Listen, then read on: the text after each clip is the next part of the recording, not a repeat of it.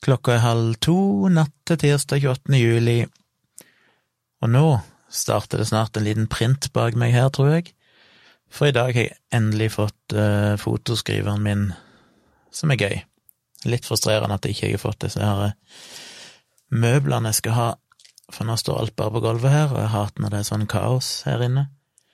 Og det er fortsatt uh, nesten to uker, eller neste fredag, så får jeg disse møblene fra Ikea, så jeg kan få rigge om kontoret mitt. Men jeg har satt opp printeren, det var jo et helsike. Det er lett å sette opp printeren, men eh, jeg skulle prøve å sette den opp trådløst, og det var ganske tungvint. Men jeg fikk det til til slutt, så den står her på gulvet bak meg. Den var litt større enn det jeg trodde, så jeg håper det funker når jeg får disse møblene, at jeg får plassert den opp på en kommode, at det funker bra. Men jeg har printa ett testbilde, og syns det var Det er komplisert, men det er jo sånn en lærer etter hvert. Men når en skal printe for Lightroom, så er det jo så mye en må gjøre. En må først lage en Eller først uh, softproof av det, det vil si at du egentlig eh, sier hvilket papir du skal bruke, og så må du inn på nettet og så laste ned en sånn ICC-profil, som basically er en slags uh, ja, en liten fil som inneholder informasjon til datamaskinen om hvordan det papiret funker i den printeren. Sånn at når den skal printe, så kan den tilpasse bildet sånn at det skal se mest mulig likt ut som på skjermen.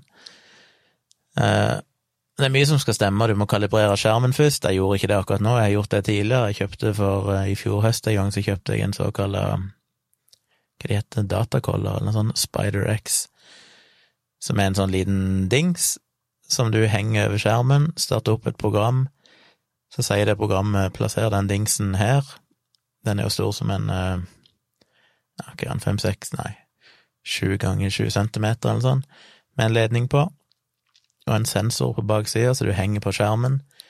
Så starter du kalibreringa, og da kjører den masse farger og tester og sånn, og så på et tidspunkt så må du kanskje justere noe greier på skjermen til den er fornøyd, så du får riktig lysstyrke og sånn. Så kjører han seg ferdig, og så lager han en profil til skjermen. Og da han endrer det skjermen en del. Han viser sånn før og etterpå, så du kan se at fargene på skjermen og sånn har endra seg litt. Og det er for at de skal være mest mulig nøytrale og korrekte. Så skjermen må være korrekt, og så må du ha en ICC-profil til printeren, sånn at den blir korrekt. Skal du gjøre det sånn virkelig, virkelig proft, som jeg kanskje gjør en dag hvis jeg gidder, så kan du gå inn hos eh, Jeg vet ikke om det er Cannon sjøl, eller om det er andre som gjør det, men du kan basically printe ut Du får ei sånn fil du må printe ut med noen sånn testfarger på, og så må du sende den fysisk i posten. Altså, du må først bruke riktig ICC-profil, så må du printe det til testsida, så må du putte det i en konvolutt og sende det til dette firmaet, jeg vet ikke om det er Cannon sjøl som gjør det, eller noen andre. Og så bruker de et dyrt apparat som analyserer fargene, og ser hvor mye de avviker fra det den ICC-profilen egentlig tilsa, for eksempel om rødfargen er litt annerledes enn den egentlig skal være, så genererer de en skreddersydd ICC-profil til deg, som de da mailer deg tilbake igjen, eller gir deg en link der du kan laste ned, og så må du bruke den i framtida, og da har du en ICC-profil som er tilpassa akkurat din printer, med akkurat det og det papiret. Eh, så det er jo en tidkrevende prosess, og så nøye er det ikke for meg akkurat nå at ting liksom ser 100% korrekt ut.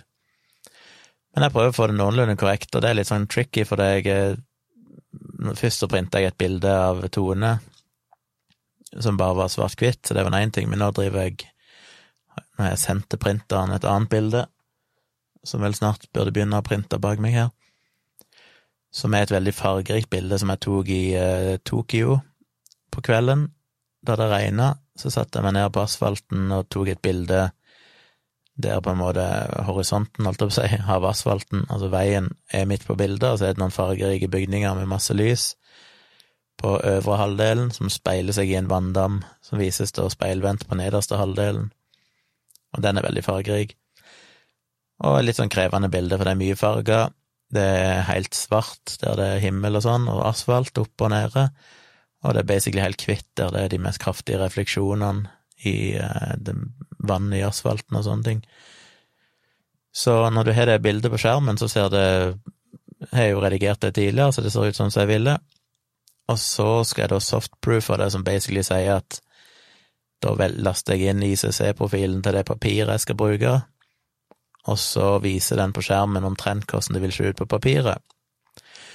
Og da blir ting gjerne bitte grann annerledes, det blir kanskje litt blasser i fargene, for den vet at den klarer ikke å printe så eh, lyst, kanskje, som det er på skjermen.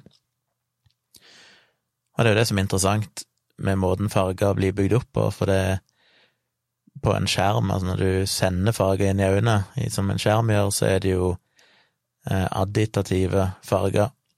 Så jo flere farger du blander, jo lysere blir det. Så blander du alle de tre primærfargene, rødt, grønt og blått, så får du hvitt. Mens printeren opererer jo med ja, hva heter det på norsk? Subtractive kalles, altså den trekker ifra hverandre, så hvis, hvis du blander flere farger, så blir det jo mørkere og mørkere. Og det kjenner dere jo til ifra når dere har lekt med maling, alt ifra barnehagen oppover. Jo flere farger du blander, jo mer grumsete og mørkt ble det, blander du nok, så blir det jo svart til slutt. Så det er jo på en måte dilemmaet, at hvordan får du en veldig lys farge på printeren, for den har jo et begrensa sett med farger. Denne printeren jeg har, vel, jeg tror det er ti forskjellige blekkpatroner, der eh, Jeg er ikke helt sikker. Et visst antall av de er jo forskjellige farger, så er han vel en egen en for svart.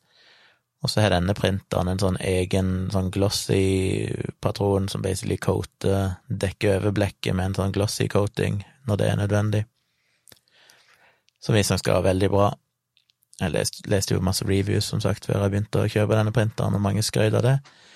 At det var verdt pengene, for de har en litt billigere modell som ikke har den der glossy coatinga. Men det er jo interessant hvordan en skal klare å printe en lys farge. Du kan jo få en veldig lys farge på skjermen, for det er jo bare å sende flere farger og mer lys. Men når du skal blande, hver gang du blander to farger på printeren, så vil jo fargen automatisk bli litt mørkere. For hver gang du blander farger, så blir det mørkere. Så det er litt tricky. Så derfor blir jo ting gjerne litt blassere og litt mørkere når du printer det, så da må du kanskje kompensere for det. Så det er det jeg har gjort nå. Jeg har laga en sånn kopi av bildet som jeg kan redigere kun til print. Nå begynte det å printe bak meg her, vet ikke om dere hørte lyden. Og så sitter jeg og justerer litt, kanskje gjør det litt lysere, øker kontrasten litt, kanskje booster fargene bitte grann. Eh, men jeg får det jo aldri helt likt, for det vil aldri bli helt likt. Og det er jo det jeg trenger erfaring med, det er å finne ut hvordan bør det se ut på skjermen for at jeg skal få det korrekt på printeren. Men nå gjør jeg iallfall en test, det som er kjipt, er jo at det er dyre tester, for det går litt blekk hver gang, og blekk er jo steindyrt, og hvert papirark her koster jo en del kroner. Eh, de dyreste papirene her så koster det fort eh, ti eh, kroner eller sånn per ark. Og det er relativt billige papirer, du kan jo kjøpe vesentlig dyrere papirer enn det. Jeg kjøpte jo bare noen originale Cannon-papirer, bare så jeg hadde noe, men jeg har lyst til å teste andre sånne fine art-papirer. Hanemule er er vel det de fleste syns det er bra. Det er et sånt firma som eksistert i over 400 år og produsert papir, og er liksom regna som en av de beste når det gjelder sånn fine art-printing. De har jo papir i alle mulige varianter, laga av bomull og hamp og bambus, og i glass i matt og forskjellige strukturer i papiret. Alt mulig rart i alle slags størrelser. Så det må jeg teste ut på et eller annet tidspunkt. Og da er det viktig at en får lasta ned de korrekte ICC-profilene, sånn at uh, når du printer ut, så vet datamaskinen hvordan det papiret er, sånn at den kan uh, bruke riktig mengde blekk og alt mulig sånn. Så det er en utfordring, og det er jo det som er gøy, at det er en utfordring en må lære. Og det er jo med så mange ting, sånn som med foto og sånn òg, jeg var jo helt rådvill når jeg starta, men så lærer en seg ting etter hvert, og plutselig er jo ting en selvfølgelighet. Og litt derfor òg så lagde jeg jo faktisk en video her som jeg la ut i går. Og det var jo en litt annen type video. Det var jo en sånn eh, skru på kamera og bare gjør ting, så det var nesten ingen redigering. Så jeg lagde en video der jeg egentlig bare viser hvordan jeg bruker det programmet som heter Luminar til å redigere bilder. Um, Gudene vet, det er ikke mange som har sett videoen, det er ikke mange som kommer til å se den. Det blir jo litt for sære interessert sær, Hva heter det, de med sære interesse. Men jeg har faktisk fått et par kommentarer på han, og folk som satte pris på han. Så det er jo litt gøy, og jeg har lyst til å lage flere sånne videoer der jeg bare gjør ting. For det er som jeg har sagt tidligere, det er lett å tenke at jeg kan jo ingenting. Hvem, hva har jeg å si? Men jeg merker jo det at dette jeg driver på nå i halvannet år, og pløyd gjennom eh, hundrevis av timer med YouTube-videoer og fått en del erfaring sjøl, så jeg har jo lært ganske mye. Og det finnes mange der ute som kan mindre enn meg. Så det å bare lære vekk triks om hvordan du skal redigere portretter, eller hvordan du skal bruke forskjellige programmer, og kanskje på sikt hvordan du printer fine bilder, det syns jeg er gøy. For det er sånn jeg kan bare gjøre, og som dere vet, så er jeg jo glad i å prate hvis jeg har en mikrofon foran kjeften. Så det å lære vekk ting Jeg mener, jeg har jo holdt foredrag og skrevet bøker og blogg og sånn, jeg elsker jo det å lære vekk ting som jeg føler at jeg til en viss grad behersker sjøl, og syns er gøy sjøl. Jeg syns det er gøy å lære vekk. Så jeg kommer nok til å lage litt flere sånne videoer. Og så er jo alltid dilemmaet når du har en sånn YouTube-kanal, bør en ha en egen kanal som er bare til foto? Kanskje. Men øh, jeg vet ikke. Jeg må vurdere det. Hvis jeg får like løten og lager mye om bare foto, så bør jeg kanskje skille det ut ifra den tvilsomt Tjomli-kanalen, som handler litt mer om kritisk tenking og skeptisisme og sånn. På den annen side så er det litt greit å ha alt på samme kanal, for den kanalen har jo allerede blitt monetisa. Det vil si at han har hatt nok views til at jeg kan få lov å ha inntjening på han. Selv om jeg tjener jo basically ingenting, for jeg har jo ikke nok views. I løpet av uh, det halvannet året jeg har hatt han, han ble vel ikke monetiser før i påsketida, hadde jeg endelig hatt nok views til at jeg fikk lov å aktivere sånn monetizing. Um, og siden den gang så har jeg vel tjent 700 kroner eller noe sånt på YouTube-kanalen, og det er vel veldig mye på grunn av den ene videoen om hun eh, Åh, hva vet det, Hotell Cæsar-dama som har lagd en video om, den fikk jo noen titalls tusen views, som drog opp litt. Men ellers er jo ikke mye views på videoene mine. Men ja, så jeg får se. Men det er gøy å lage sånne videoer. Og det som var poenget mitt, var bare det at eh, det å printe nå virker veldig uoverkommelig, for det er sånn shit, hvordan i all verden skal jeg klare å gjøre alt dette her? Men så lærer en seg litt og litt, og så blir en bedre, og jeg merker nå jeg må sette meg ned og se enda flere YouTube-videoer om eh, om eh, printing, for jeg har sett noen tidligere, men da har jeg ikke hatt printer, så jeg har liksom ikke helt tatt det inn over meg på samme måten. Det blir jo ofte sånn, først når du begynner å gjøre det sjøl, at du begynner å skjønne og, legge merke til de tingene som faktisk er viktige, for da er du noe konkret å relatere det til. Så jeg printer bilder, og jeg har litt lyst til å gjøre noe med de bildene, eh, kanskje ja, på en eller annen måte få gitt noen til de som ønsker å ha Um, bruke de som premie på et eller annet, eller et eller annet sånn. Kunne signere de og sende i posten til folk hvis noen har lyst på et signert En signert print, som er litt billigere, eventuelt gratis, enn det det koster hvis en skal bestille de litt mer profesjonelt trykka på nettet, ifra Art Galleryet mitt. Vi får se. Uh, hva mer hadde jeg å si? Jeg la ut noen bilder som jeg tok her på lørdag når vi var ute på Aker Brygge Nei, var det på søndag, eller var det lørdag? Jeg husker ikke. Det var kanskje lørdag. Vi var på Aker Brygge, meg og Tone, så jeg la ut noen av de bildene, så ja, det har jeg vel sagt før, men jeg håper dere syns de var fine. Jeg har lyst til å prøve å printe iallfall det ene bildet, det silhuettbildet, som jeg syns var ganske kult. Se hvordan det blir. Det er jo nesten Ja, det er vel Er det helt svart-hvitt, det? Jeg husker ikke. Ja, det er kanskje Men det syns jeg er et litt kult bilde. Så jeg kommer nok til å printe litt. Så får jeg se hva jeg gjør med alle printsene mine. Jeg må jo henge de opp en plass. Eh, det er jo det store dilemmaet her inne, som jeg har sagt før. Jeg har egentlig ikke noe plass å henge opp alle disse printene, men eh, jeg får se hva jeg gjør med det. Jeg har ikke noe valg, kanskje, enten bare sende de til folk. I masse gaver. Det er det alle kommer til å få i gave framover. Bursdagsgaver, og julegaver. Det blir, det blir print av bildene mine, enten de vil eller ikke.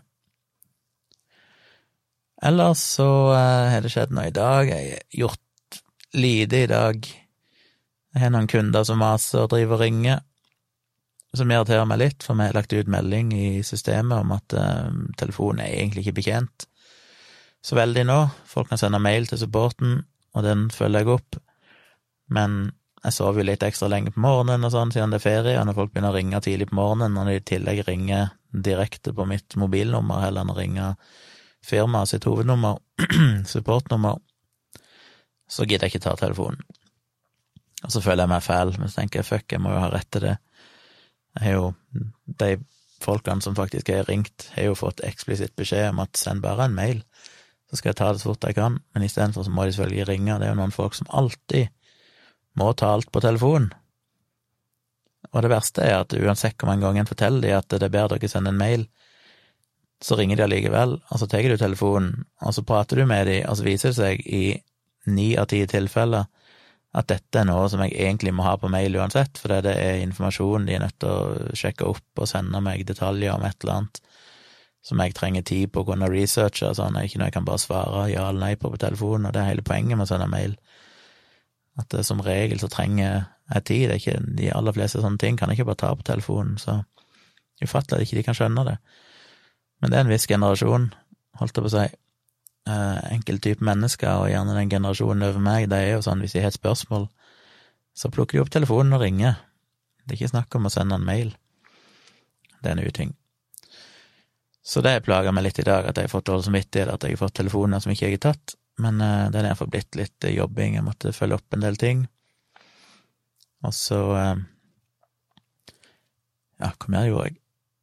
Tone og Kyla var nede i byen en tur, så jeg satt jo her og måtte jo hente denne printeren, det er jo irriterende, for det ringte jo grytidlig i dag, eh, og en av de telefonene fant jeg jo dette på, var jo Posten, som plutselig skulle levere en pakke. Jeg har jo snakka litt om det, om hvor irriterende det er med disse pakkeleveringene som du aldri kan stole på. Jeg fikk jo beskjed om at den pakken var utkjørt for utkjørt eh, Eller ankom Oslo i midten av forrige uke, og estimert leveringsdato var jo på fredag og så hører jeg ingenting, og det kommer ingen oppdateringer i appen før de plutselig har vært på døra mi og bare skal levere den. Og så ringer de ikke på, nei da, men de ringer på telefonen istedenfor. Og det er flott egentlig at de ringer på telefonen, det savner jeg jo ofte hvis de først har ringt på og ikke noen har svart. Men når de bare ringer på telefonen, så aner jo ikke jeg hvem det er. Hvis jeg hadde ringt på først, så hadde jeg i minste skjønt at ah, kanskje det er noen som prøver å få kontakt med oss, som skal levere en pakke. Så det var vel delvis, delvis min feil at jeg ikke tok telefonen, men det var tidlig, og jeg lå og sov. Så det endte jo opp med at jeg plutselig fikk en notification istedenfor om at uh, pakken var levert til posten og kunne hentes der. Så prøvde jeg å bestille hjemlevering etterpå via appen, men det fikk jeg bare en feilmelding på, det var klin umulig. Prøvde òg via nett, gikk ikke det heller. Så da måtte jeg gå og hente den på posten, da, og det var ikke så lett, for denne printeren er jo en svær kasse som veide 25 kilo, og i tillegg var det en annen kasse på en 10 kilo med papir og sånne ting. Så jeg måtte jo bare gå bort. Det er heldigvis ikke så veldig langt til posten, det er vel ikke mer enn 500 meter eller noe sånt. Men eh, jeg fikk nå henta den pakken, og så prøvde jeg å bære den hjem, og kom vel omtrent ja, en fjerdedel av veien. Så måtte jeg sende melding til Tone, så jeg kan jo komme og hjelpe meg. Så fortsatte jeg å bære, kom vel en uh, nesten halvveis hjem. Så kom hun og hjalp meg, men allikevel var det drittungt å få den svære dunder av en kasse som er vanskelig å få armene rundt og skal prøve å bære. Så det var krevende. Men jeg fikk nå den hjem til slutt, måtte jeg gå tilbake igjen en tur til og hente den andre pakken. Og så var det å installere printeren, som er jo sånne ting jeg elsker. Selv om jeg som sagt er litt frustrert over at jeg ikke får rigga det opp sånn som jeg vil ennå. Så denne uka er det jo ei vanlig uke, en slags ferie, og på lørdag så har vi egentlig invitert noen folk på en fest. Jeg er nesten hvert år etter jeg flytta til Oslo, så jeg pleide å ha en fest sånn rundt eh, ja, i begynnelsen av august, for jeg har bursdag 3. august, om ei uke altså. Og jeg er ikke noe glad i bursdagsfeiringer, så jeg kaller det ikke en bursdagsfest, jeg kaller det bare en sommerfest eller balkongfest eller et eller annet sånt som har invitert en del folk. Og først så har vi jo snakka i årevis, holdt jeg på å si, jeg har jo bodd i Oslo nå i ti år og prøvd å få mine venner fra Tonstad til å komme på besøk. Og de kom for to år siden. Det tok åtte år før de endelig klarte å somle seg til Oslo, som er litt uh, irriterende, egentlig. For de snakker om det hele tida, at 'å vi skal hatt en Oslo-tur', 'å, vi skal hatt en Oslo', ja, fanken meg på tide vi kommer og besøker deg', men de klarer jo aldri å gjøre det. Selv om de stadig vekk er på lange turer og kjører til, ned i Europa og kjører til Sverige og kjører forbi Oslo, av og til er de i Oslo, men de sier ingenting. Så det er en merkelig gjeng. Og når de da endelig kom for, for to år siden, så syntes de det var så kult, og jeg snakka kontinuerlig etterpå at vi må fanken meg komme til Oslo igjen. Så tenkte vi at vi skulle invitere de da. Vi var jo hjemme i slutten av juni, og da møtte vi de, da var de veldig sånn på ja, de måtte prøve å komme her i slutten av juli eller begynnelsen av august. Så oppretta vi en, eh, en fest, en event på Facebook, og inviterte de. Og så hører en jo aldri noe fra de, og så man begynner å mase litt og spørre eh, tror dere dere kommer. Og så plutselig får vi høre at han ene, nei, han var oppe i Nord-Norge nå, som jo er litt fascinerende, for de har jo visst om denne festen nå i en måned og hadde egentlig tenkt å komme, liksom antyda iallfall det, men så plutselig så bare legger han ene andre planer, som er ganske typisk. Det er ganske vanlig at de sier de, har, de, er litt sånn kjent for å holde alle muligheter åpne, de kan aldri forplikte seg, så er det sånn ja, de er veldig lyst, men de venter liksom til siste minutt for å se om det dukker opp noe annet som kan være kulere.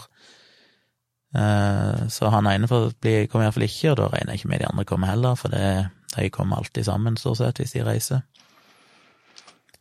Så skulle egentlig min bror og hans samboer komme, som var veldig kult.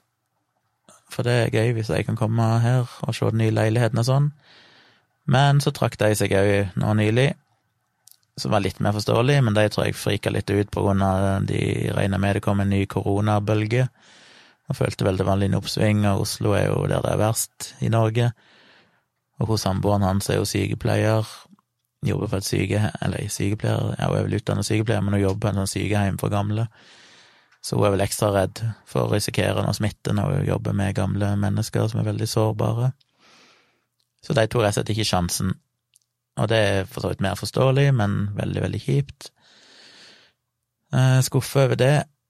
Og så er det jo andre, som det alltid er, det er jo det evige storyen hver gang jeg prøver å arrangere disse festene, er jo at en betydelig andel ikke kan. Det er for så vidt greit nok, når folk er voksne og er familie og sånn, så er det ofte forpliktelser og ting som skjer. Men så er det en tendens til å være mange som sier de kommer, og så rett før eller samme dagen så får jeg plutselig sånn nei, de kan ikke komme likevel. Så som regel ender det opp med liksom en femtedel av de du har invitert, klarer faktisk å komme.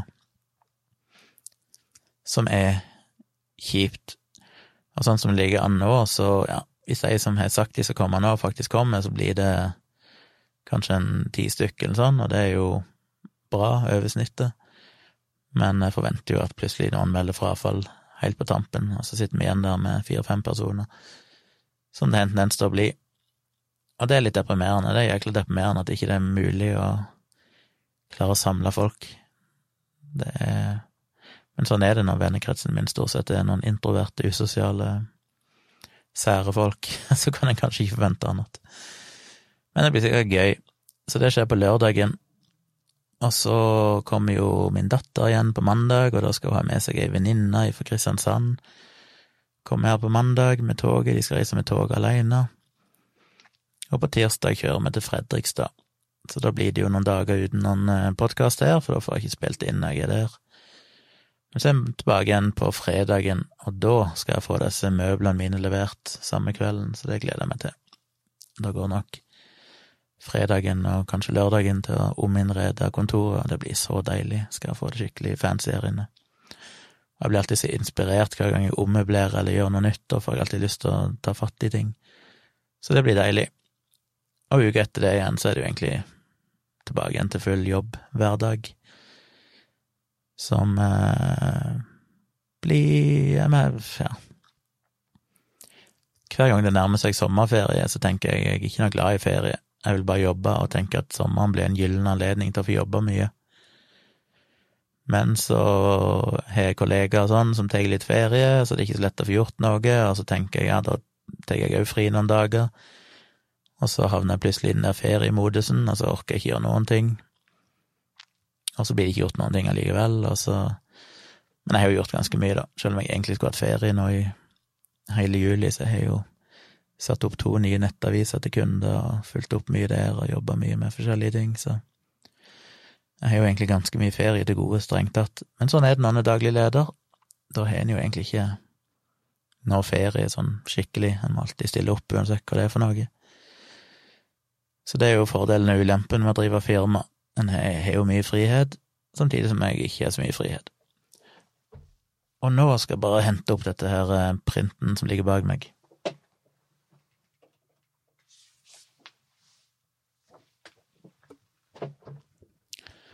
Se det, ja. Den ble jo Den er ganske kul, tror jeg.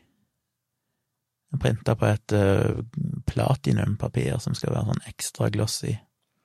Men det hadde jeg bare i A3. Det jeg printa tonen tidligere i dag, det var A3 pluss, som er en del større. Men jeg iallfall printa to papirer. Det er jo Det ser jo sånn printmessig ut, så ser det ut som et sånn foto av de gode gamle typene, for sånn du fikk når du gikk og fremkalte bilder og fikk de tilsendt. Fordi det er jo så høy oppløsning her at du ser jo ikke pikslene på noe selvsvis, det er jo bare helt sånn Ja, kult. Jeg skal ta og ta et bilde av de to bildene etterpå, og legge ut etter podkasten her, så dere kan se de, se størrelsen og se hvordan printene ser ut. Så får dere litt mer eh, Skjønner dere hva jeg snakker om her? Så hadde jeg egentlig i dag tenkt å lage en ny video, men det rakk jeg ikke på grunn av printeren og sånn. Men jeg får se i morgen, hvis ikke det skjer noe veldig jobbmessig da, så tenker jeg jeg skal prøve å lage en, en video, hvordan enn det blir for noe. Så det er morgendagens plan, og nå skal jeg se om jeg eh, kan ta dette lille udyret ut en liten tur, kjapp tur, se om hun tisser, og så får vi seng. I natt var jo helt umulig. Vi fikk ikke gått noen sånn skikkelig lang tur med henne i går, og hun var så full av energi på kvelden at det var helt latterlig. Det har jo for så vidt vært i dag òg, selv om Tone drassa henne med seg rundt i byen i timevis, og hun var så utslitt. Men hun er så full av energi, og i går var det helt umulig, så hun bare var helt propell, bare sprang som en rakett rundt og rundt i stua. Måtte jo bare le, det var helt latterlig å se på. Og så prøvde vi å legge henne i buret, og gikk og la oss, og så lå hun bare og klynka. Og så er det jo dilemmaet, skal han Hvordan skal han reagere på det? Det er jo så stressende å høre på, for du føler jo at du bør gå ut i tilfelle det er et eller annet. Det er jo litt som når jeg hadde baby òg, ikke sant, du hører babyen lage en lyd, skal du da reagere hver gang, eller skal du tenke at det er sikkert ikke noe farlig, og roe seg sikker? Så jeg tenkte jo først at nei, jeg må bare ignorere det, jeg må ikke lære henne opp det, hvis hun ligger sånn og klynker, så kommer vi med en gang, for da oppmuntrer vi jo bare til å gjøre det. Så drev hun på en god stund, og så ble hun rolig, tenkte jeg ah, da gikk det, da ga hun seg. Men så etter ti minutter så begynte hun igjen, og da tenkte jeg for gud å se hva det er, kanskje hun vil ha vann eller et eller annet. Så jeg tok henne ut og prøvde å gi henne noe vann, men nei. Så koste jeg litt med henne, og bare liksom for å se om det var et eller annet, men da var hun helt rolig, og så tenkte jeg nei, jeg får prøve å legge henne igjen. La henne i buret, gikk og la meg, og så bare klynka hun igjen. Og så var Tone ganske utslitt i går, ikke helt i toppform, så jeg sa at det bare for at ikke hun skulle bli stressa, for hun ble så stressa av det, så sa jeg bare ligg her, så skal jeg gå ut og sitte med henne til hun sovner. Så jeg gikk ut i stua, satte på en YouTube-video og drev bare og lekte litt med henne. Eh, og koste litt med henne, prøvde å roe henne ned, men hun var helt umulig, hun ville bare rundt og herje. Så jeg satt jo der en god time eller noe sånt, til hun til slutt plutselig fant ut hun skulle legge seg i den, en sånn kurv hun legger seg i, og sovna der. Og da sovna jo jeg òg, så jeg sov litt i 15 minutter på stolen. Før jeg våkna, tenkte jeg nå ligger hun og sover, så løfter jeg opp og la henne inn i buret, og så sovna hun, og så gikk jeg og la meg. Det er jo basically som å ha en baby. Det er jo samme greia som når Maja var liten. Måtte sitte oppe av og til og bare vente til, til de sovna, og så måtte en, kunne en gå og legge seg sjøl. Så jeg håper hun roer seg mer i kveld. Hun er iallfall rolig nå. Jeg tror hun sovner i kurven på utsida her, så jeg eh, burde kanskje ta henne ut og se om hun skal tisse, men jeg har egentlig litt lyst til å bare legge henne rett inn i buret, for jeg er redd for at hun skal våkne og bli full av energi igjen hvis jeg tar henne ut plutselig. Så jeg får se hva jeg gjør. Men eh, det er iallfall leggetid. Så jeg skal få posta denne her podkasten. Skal prøve å ta et bilde av bildene mine. Et metabilde. Så dere kan se det. Og så høres vi vel igjen i morgen.